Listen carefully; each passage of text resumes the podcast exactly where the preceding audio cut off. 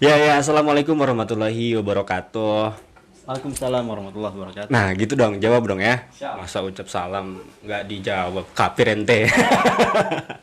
eh balik lagi di, nggak balik lagi sebetulnya ya. Ini episode pertama dari perbacotan duniawi. Ya nggak sih? Betul. Kenapa harus namanya perbacotan duniawi sih? Jadi kita yang ngebacot-bacot tentang permasalahan dunia tong akhirat wae. Oh gitu. Wah ente Dibalik. Kembali. kebalik akhirat tong dunia wae Oh, gitu siap, siap, Ustaz. Jadi itu tadi di sebelah kita sudah ada Sohib. terhormat kita Ustadz Sohibul Maulana LC. Kalau Ustadz kan biasanya ngobrolannya akhirat. Nah, kita sekarang bawa ke ngebacotan tentang masalah dunia. Tapi bentar tahan, tahan dulu ya kan? Karena gini nih, ini orang tadi ambigu soalnya gitu kan? Jangan ngomong akhirat mulu ngomong banyakin ngomong dunia ini ini bahaya.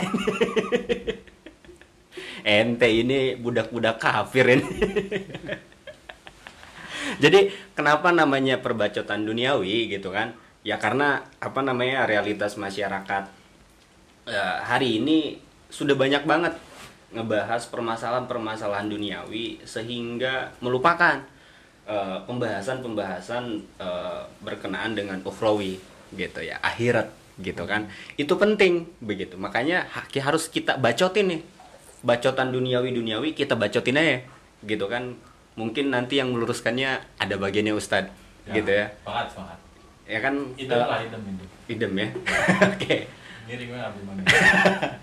saya kenalin dulu Eh, di samping eh, sudut biru ada Bung Yudi perwakilan dari pemuda tersesat Saya hanya mewakilkan. Mewakilkan siapa? Yang bertanya kepada saya. Jadi berhubung di sebelah saya udah ada Ustadz, jadi saya hanya mewakili sebagian. Kalau saya sebetulnya tidak tersesat, oh gitu masih di tengah-tengah sebetulnya. Tengah-tengah berarti tersesat gitu kan? Hampir, hampir, hampir, hampir apa? Hampir masuk neraka? Hampir tersesat. Oh, gitu. Jadi sebetulnya sekarang ini gimana Ustadz? Ustadz bisa meluruskan saya atau malah Ustadz yang ikut tersesat? betul juga itu ya. Itu itu tantangannya yang bagus gitu kan.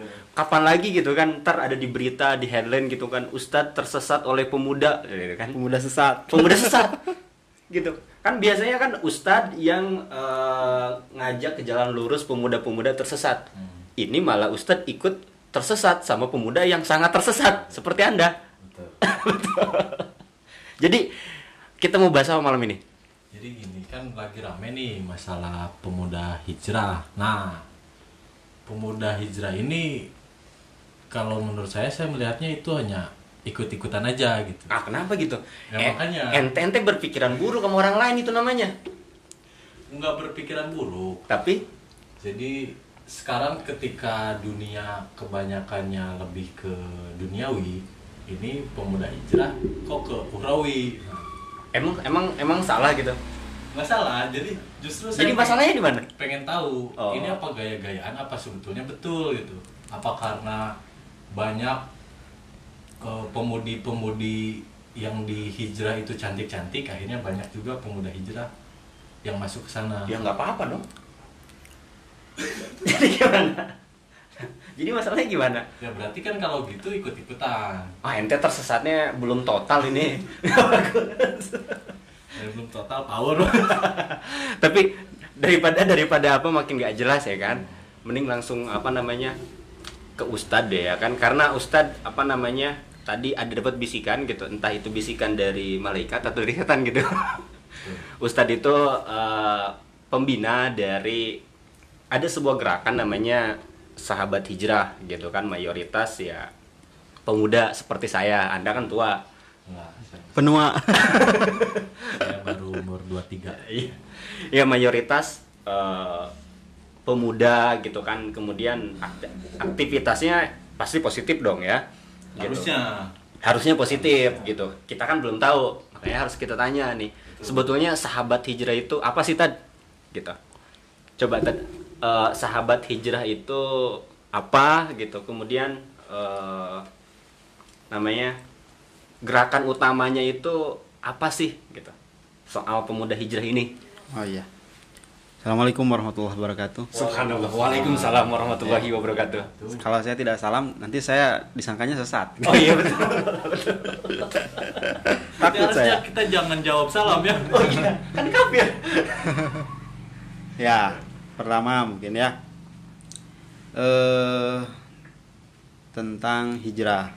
Jadi kita harus bisa membedakan mana gerakan hijrah, mana eh, nama komunitas.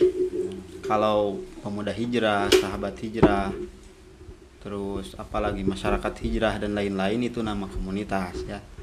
Mungkin gitu. Eh, sebagian nama komunitas, mungkin sebagian nama eh, grup atau kelompok Ya, ya, betul. tertentu ya gitu. Oh.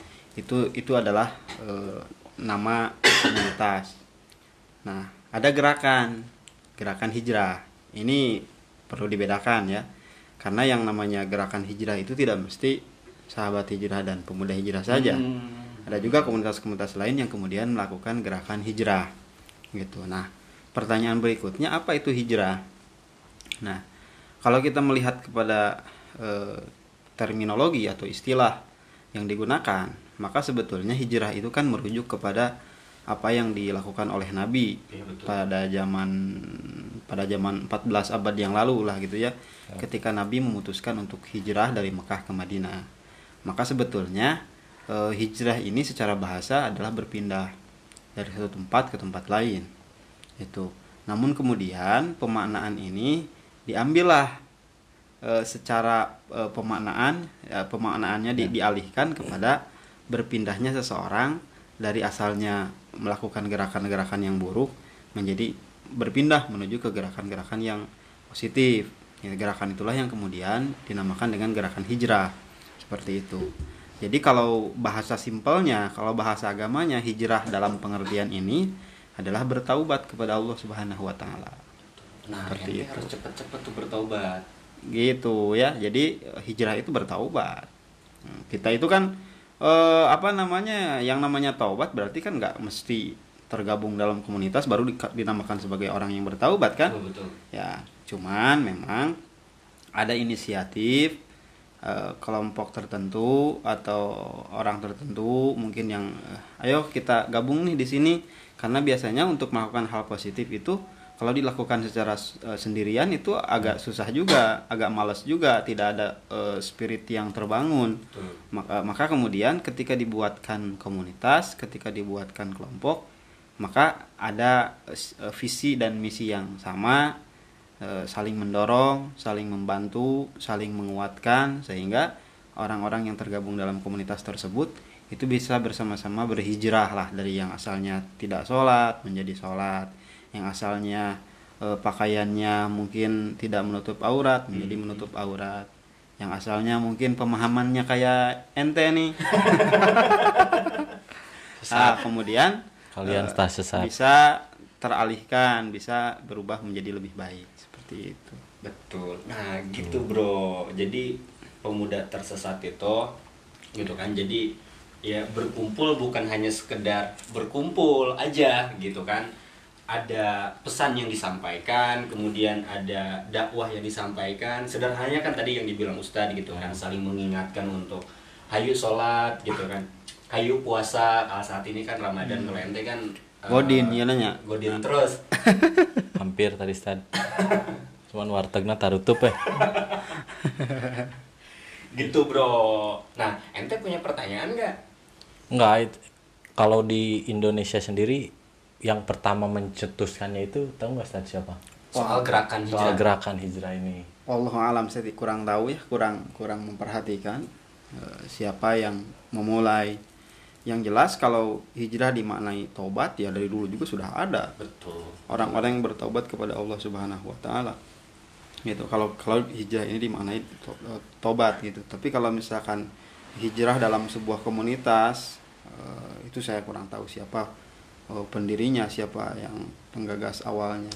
Yang jelas semua komunitas yang eh, memiliki visi untuk eh, hijrah ya Mm-mm. itu semuanya memiliki eh, program tersendiri, memiliki aktivitas dan kegiatan tersendiri, biasanya setiap minggu, setiap Iya, iya. bulan mengadakan kajian, mengadakan proses tarbiyah, mengadakan proses dakwah.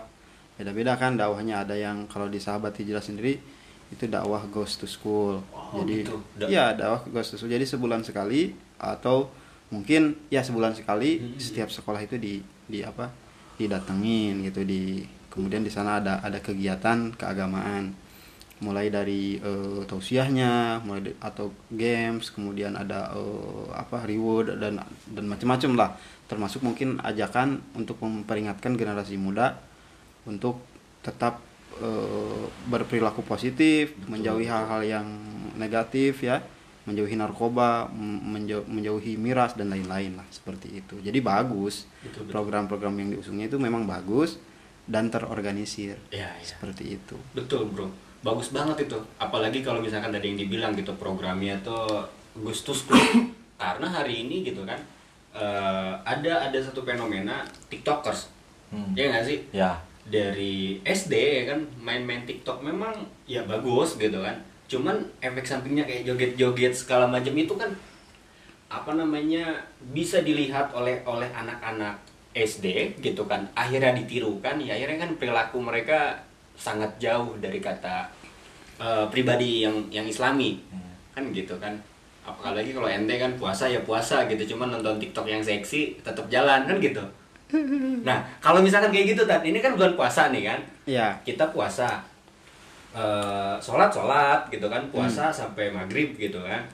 Tapi ketika jalan puasa gitu kan selama apa daya dari dari subuh sampai maghrib lihat-lihat buka Instagram gitu ternyata ada yang main TikTok goyang-goyang seksi gitu. Nah itu batal nggak tan? Oh kalau puasanya nggak batal puasanya nggak batal. Oke. Iya, cuman kalau pahala wallahu alam. Nah. Gitu ya. Karena ya itu unsur menahan hawa nafsunya tidak ada berarti seperti itu. Jadi dia hanya melakukan puasa fisiknya saja yang puasa. Sholat sholat eh, fisiknya saja yang sholat. Tetapi kemudian hatinya tidak ada perubahan mengarah ke, lebih, ke hal yang lebih baik berarti kan. Tapi itu nggak sengaja gitu Ustad karena kalau tiga detik nggak sengaja. Oh, iya. kalau tiga jam oh kelupaan. Enggak, Kelupaan. jadi kan memfollow IG IG atau TikTok TikTok yang seksinya itu udah dari sebelum puasa. Jadi kan pas ketika ngebuka di puasa itu ternyata isi timeline ya begituan semua itu gimana masih tetap batal Ustaz? Oh, ah? Jadi ya, pas ngebuka berusaha isi- untuk dihindari lah, tidak usah kemudian eh, dilihat-lihat. Kalau perlu unfollow aja. Gitu, bro. nah kalau Gitu. Oh, ya. Ini curiga nih, kenapa masih diikuti? Wih, kalian Jangan-jangan kayak unfollow, gini. unfollow. Jangan-jangan ah puasa tutup bola aja. Kayak lebaran tuluy deui. jadi yang puasa itu cuma perut doang menahan lapar doang gitu kan mata nggak ditahan gitu kan nafsu nggak ditahan Tapi gitu kan. tadi nggak apa-apa tiga detik, bro. oh iya Jadi tiga detik udah itu astagfirullah. Bukan begitu Ustaz, apa salah? karena udah banyak banget ini apa namanya titipan-titipan pertanyaan Ya, betul. kan dari pemuda-pemuda yang yang tersesat tersesat banget gitu kan banyak banget yang nitip eh, pertanyaan gitu kan pun buat ditanyain ke ustadz gitu karena mereka ya kayak ente gitu kan nggak Ya. nemu-nemu jawabannya Betul. akhirnya takut jadi kafir beneran kan repot juga Alhamdulillah min dzalik. Nauzubillah gitu kan. Jadi harus kita tanyakan supaya mereka kembali ke jalan Tuhan atau atau berpindah.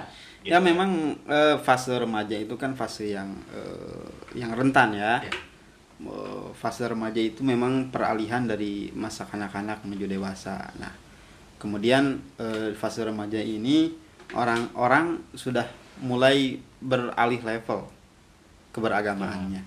Kalau dulu ketika masih kecil, ketika masih usia SD misalkan ya, orang beragama itu ya atas dasar paksaan. Didikan dari orang tuanya atau eh, dia melihat kondisi di masyarakatnya orang-orang pergi ke masjid ya ikut ke masjid. Eh, jadi beragama itu menjadi sesuatu yang sifatnya rutin- rutinitas harian. Ah teman-teman saya ikut ngaji ke masjid ikut gitu kan. Tapi ketika sudah beranjak remaja kan eh, pola pikir kita berkembang. Eh, akal kita kemudian berkembang juga mulai ada mulai berpikir nih buat apa nih saya kayak gini kenapa saya harus melakukan ini Mhm. kenapa saya tidak boleh melakukan itu. Itu kan eh, itu hal-hal tersebut sudah mulai dipikirkan oleh remaja. Maka di sinilah kemudian banyak orang-orang yang mohon maaf. Mereka agak agak tadi lah agak tersesat agak agak bingung. Bukan tersesat sih tapi lebih kepada bingung mencari jati dirinya. Ya, betul, betul. seperti itu. Eh, nah eh, maka sebetulnya eh, sentuhan agama itu sangat diperlukan untuk para remaja. Yang anehnya adalah eh, di kita itu kadangkala sentuhan agama untuk anak-anak itu sangat kuat. Ya. tapi ketika remaja di saat eh, agama itu sangat dibutuhkan Iya, oleh iya, iya. manusia justru nggak ada gitu. Bukan nggak ada kurang lah gitu. Ya. Eh, sehingga tadi banyak orang-orang yang yang kebingungan nih mencari jati diri. Bahkan ada yang sampai pindah agama kan ketika iya. di usia remaja itu. Berarti berarti proses-proses apa namanya pendakwahan gitu atau menyampaikan pesan-pesan keislaman itu sangat-sangat diperlukan oleh anak-anak ya usia 17 tahun ke atas lah gitu Ya, yang sedang ya. yang sedang menentukan jati dirinya gitu betul kan. betul asupan-asupan soal tentang dakwah, tentang kehidupan, tentang eh, keagamaan ya gitu kan. ya ya kalau kita berbicara eh, analogikan kepada makanan lah yang namanya gizi itu bukan hanya di eh, bukan hanya dibutuhkan oleh anak balita Ya, bukan hanya dibutuhkan oleh anak-anak kan? Mhm. remaja juga kalau kurang gizi kan cacingan gitu. Iya, seperti itu ya. Maka asupan gizi itu bukan hanya dibutuhkan hanya ketika eh, anak-anak tetapi ketika remaja pun kan dibutuhkan juga. Apalagi ketika sudah menjelang dewasa sudah mau menikah nih misalkan Bang Yudi mau menikah ya gizinya harus eh, terpenuhi gitu nah begitupun agama asupan agama itu sama seperti asu- eh, asupan gizi kalau gizi itu untuk tubuh agama kan untuk untuk untuk hati untuk eh, ruh kita Betul, betul. gitu Gitu, Bro. Siap, Ustad. Nah, terus ada pertanyaan lagi nih lo soal soal lo kan ya sebagai representatif perwakilan dari pemuda-pemuda yang hampir tersesat gitu kan pasti banyak pertanyaan yang dititipin Enggak. Kalau gua balik lagi ke pemuda hijrah. Ini balik lagi ke teori konspirasi, Bro. gimana tuh? Jadi mungkin nggak sih Stad punten Stadnya. Jadi gerakan pemuda hijrah ini lebih ke untuk brand pakaian muslim gitu. Gitu nggak sih Stad? Apa pure dari gerakan komunitas dulu akhirnya itu dilihat oleh brand pakaian muslim? Atau memang ada konspirasi settingan nih dari suatu brand pakaian muslim sehingga akhirnya membuat membuat komunitas-komunitas itu untuk marketnya ya Stan. apa ya kalau melenceng. jadi gimana maksud tadi ya, apakah ada kan ini lagi rame Stan nih, semua disangkut pautkan dengan teori konspirasi, konspirasi gitu. Hmm. Apakah pure itu dari kegelisahan di masyarakat yang tadi Ustaz jelaskan apa Ya. sebetulnya ada suatu brand pakaian muslim atau gaya hidup lah yang sengaja disetting untuk sepertinya gerakan ini baru atau memang sebetulnya udah ada cuman penamaan tentang hijrah ini baru gitu? Ya, kalau berbicara eh, gerakan hijrah, kemudian berbicara dengan eh, berbicara tentang komunitas, kemudian berbicara eh, dikaitkan dengan bisnis ya, bisnis pakaian, bisnis tadi fashion dan lain-lain. Kemudian komunitas dan eh, gerakan itu disangkut pautkan dengan eh, brand atau merek pakaian tertentu. Misalkan ya. Sebetulnya itu tidak ada kaitan sama sekali. Assalamualaikum. Tidak ada kaitan sama sekali. Eh, kenapa tidak ada kaitan sama sekali? Ya? Yang kita tidak bisa menelusuri lah masalah itu, apalagi masalah konspirasi. Karena tapping kita tapping. Baik. Baik, ini kita kedatangan Ustadz satu lagi. Ustadz Ihin. Ya, jadi eh, menurut saya saya kurang tahu ya, apakah memang seperti itu atau seperti apa. Cuman kan begini, ketika ketika eh, kita sudah membangun sebuah komunitas, maka di sana ada eh, banyak individu yang masuk bergabung menjadi satu. Dan individu-individu individu tersebut kemudian berlatar belakang yang berbeda kan? Memiliki latar belakang yang berbeda. Ada yang mungkin pengusaha ada yang mungkin eh, guru ada yang mungkin eh, apa ya pekerja eh, karyawan ada yang mungkin eh, ahli IT juga yang tergabung di sana. Yang kemudian bagaimana caranya supaya apa yang dilakukannya itu bisa memberi manfaat untuk umat? Betul betul. Seperti itu. Contoh misalkan ada orang yang eh, masuk ke komunitas hijrah atau ya kelompok-kelompok tertentu misalkan ya. Memiliki latar belakang kemudian di fashion. Ya. Nah, pasti mungkin ada keinginan bagaimana supaya umat Islam ini khususnya ya yang belum hijrah itu itu eh, akhirnya eh, berpakaian dengan pakaian yang menutup aurat Iya misalkan. betul betul. seperti itu atau eh, orang yang latar belakangnya IT misalkan itu berpikir bagaimana supaya umat Islam ini kemudian menggunakan aplikasi-aplikasi yang yang bisa mengantarkan mereka ke ke jalan dakwah ke jalan Allah Subhanahu Wa Taala misalkan Ya, itu menurut saya eh, tidak masalah Iya Ya. bahkan Siap, bagus seperti itu Tercerahkan lah Ustaz. Jadi perpikiran negatif saya tentang konspirasi-konspirasi ini ternyata tidak ada ya Ustaz ya. Wah, insya Allah tidak Ya. ada. Makanya ente harus berpikiran selalu positif bro. Ya, kalau aneh berpikiran positif, aneh nggak bakal tersesat. Gimana sih, Teh? tapi tapi ente positif terus tapi nggak hamil kan? Nggak. Oh, enggak. Cuma Oke di deh. cuma diisolasi dua minggu. Cuma di atas perut. Cuma ditempel di tembok eh. Nah, ini ini udah ada pertanyaan nih Tan dari eh, pemuda tersesat katanya gini. Mau tanya kalau nanti siang pas puasa terus mandi, eh nggak sengaja gayunya ketelan itu batal nggak ya? Katanya gitu. ini tersesat sekali. Mohon maafkan kami dengan pertanyaan-pertanyaan yang yang agak menyimpang. Sepertinya ini tidak pas ini dijawab oleh Ustadz ya. Iya. Tapi nggak tema kita apa-apa. bukan itu. Tema kita bukan itu. Oh, iya. Oh, temanya bukan itu, guys. Pertema Ganti, aja. guys. Nah, gitu. Nah, jadi pertanyaannya per tema aja ya, gitu. Tema kita tentang eh, Hijrah. Hijrah. Gitu. Jadi udah sebesar apa Ustaz ngelihatnya? Apakah ada targetan misalkan harus berapa ribu lagi pemuda yang harus diselamatkan Ustaz dari gerakan pemuda hijrah yang Ustaz sedang lakukan ini? Eh, kalau di sahabat hijrah sendiri sebetulnya kan eh, posisinya dakwah ghost to school. Bagaimana mencerahkan remaja-remaja muslim yang ada di SMP maupun di SMA gitu.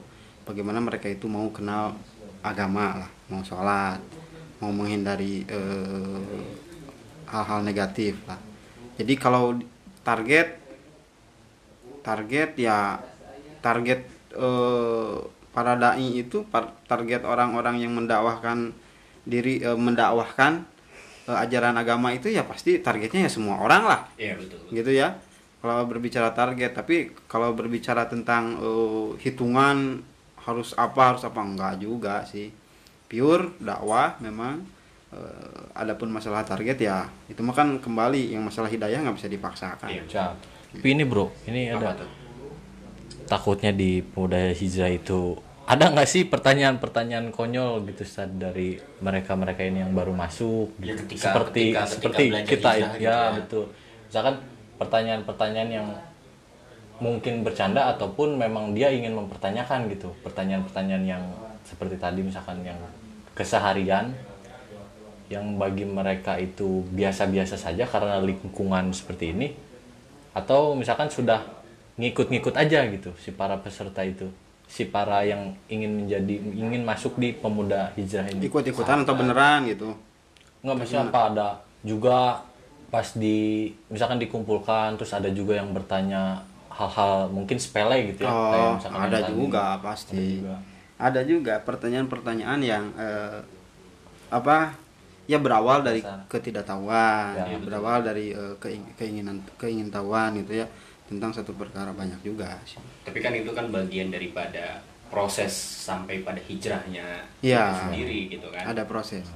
ada proses bro hijrah itu nggak langsung tiba-tiba dak gitu karena ya hidayah itu ya hidayah kesadaran itu kesadaran akan akan hidayah itu nggak bisa dipaksakan tadi yang Mm-mm. dibilang oleh ustadz Kadang dan- kadang ada momen tersendiri kan untuk membuat orang hijrah itu kan penyebabnya tidak sama. ya ya betul betul ada orang yang mungkin eh, dia itu hijrah kepada eh, hijrah menuju kebaikan itu latar belakangnya karena penyakit misalkan Hmm. karena Oh, penyakit ada yang karena eh, punya usaha misalkan usahanya tidak lancar Iya, iya betul.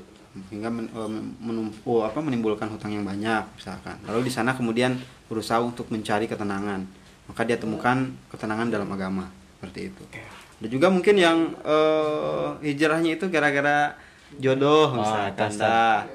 ini mungkin salah satunya nih btw Ustad cantik-cantik nggak sih Ustad Waduh ente. uhti uhti di sahabat hijrah oh saya kurang tahu kalau itu yang jelas bukan masalah cantik atau tidaknya sebetulnya tapi bagaimana eh, orang yang menjadi jodoh kita itu adalah orang yang eh, baik secara agama Siap. karena cantik saja tidak menjadi Iya jaminan betul betul. seperti itu kan Cantik Betul. itu nggak Betul. jadi jaminan bro. Akan bisa menghantarkan ente ke surganya Allah. subhanallah sekali Karena istri yang baik akan menjadi sajadah yang baik. Hmm. Gitu bro. oke ngomong-ngomong guys itu berapa menit yuk Ustad kerap deh Sebentar lagi 4 menit deh Siap, siap. gitu. Nah, apa namanya? Ya mungkin karena waktunya sebentar lagi gitu ya, karena apa? Ada ada beberapa segmen gitu kan. Jadi buat kawan-kawan gitu kan tadi sudah sedikitnya atau banyaknya tercerahkan oleh Ustadz Sohibul Maulana begitu kan. Ustaz Zohib aja Oh, Ustadz Sohib. Ustadz Sohib gitu kan sudah tercerahkan dan beliau pun eh, sering melakukan apa namanya karena hari ini kan bicara digital proses dakwah pun dia mengikuti gitu kan. Beliau sering juga tuh live streaming di aplikasi Uma. Betul. Gitu. Jadi buat kalian nih eh, pemuda-pemuda yang tersesat gitu bisa setiap eh, hari dari hari Senin tadi ya? Ya Senin. Dari hari Senin sampai hari Kamis. Hari Rabu. Oh hari Rabu sampai hari Rabu setiap jam 4 sore gitu kan. Temanya macam-macam gitu. Ka- kalau kalau kalian punya pertanyaan-pertanyaan tentang apa pun itu bisa ditanyakan. Atau bisa lihat videonya di YouTube ya. Wah, video YouTube-nya di rumah. Rumah Arifah. Tafiz Arifah. Ya. Pakai Tafiz bro. Oh iya. Jadi beliau ini juga ketua di yayasan rumah Tafiz Arifah jadi Aktivitasnya masih muda ya. juga biasanya kan kalau yang berdakwahnya sudah agak berumur kurang paham lah gitu terkait dengan apa sih yang menjadi isi kepala di Anak-anak muda. tersesat tersesat ini kita ini juga bersyukur sekali eh, masih mau mendengarkan pertanyaan-pertanyaan tersesat dari kalian-kalian sebetulnya banyak cuman pertanyaannya melenceng-melenceng ya tuh begitu Mungkin sekian dulu guys untuk sesi pembahasan di perbacotan dunia kita kali ini dengan tema pemuda hijrah. Jadi kalian nih yang suka nyinyir-nyinyir tentang pemuda hijrah sudah mulai tercerahkan kan? Atau masih ada yang mau ditanyakan? ya kalau belum tercerahkan ya beli lampu lah biar cerahkan gitu Luar biasa sekali ya. ya pokoknya pokoknya buat kalian yang udah ngedengerin podcast perbacotan duniawi terima kasih banyak gitu ya Betul. yang mau nitip-nitip pertanyaan ya titipin aja pertanyaannya ke perbacotan duniawi begitu biar nanti kita sambungkan ke Ustadz Sohib Ya. gitu di eh, tema-tema pembahasan yang lain Oke. Bos, kita sudahi episode kita kali ini. Bye.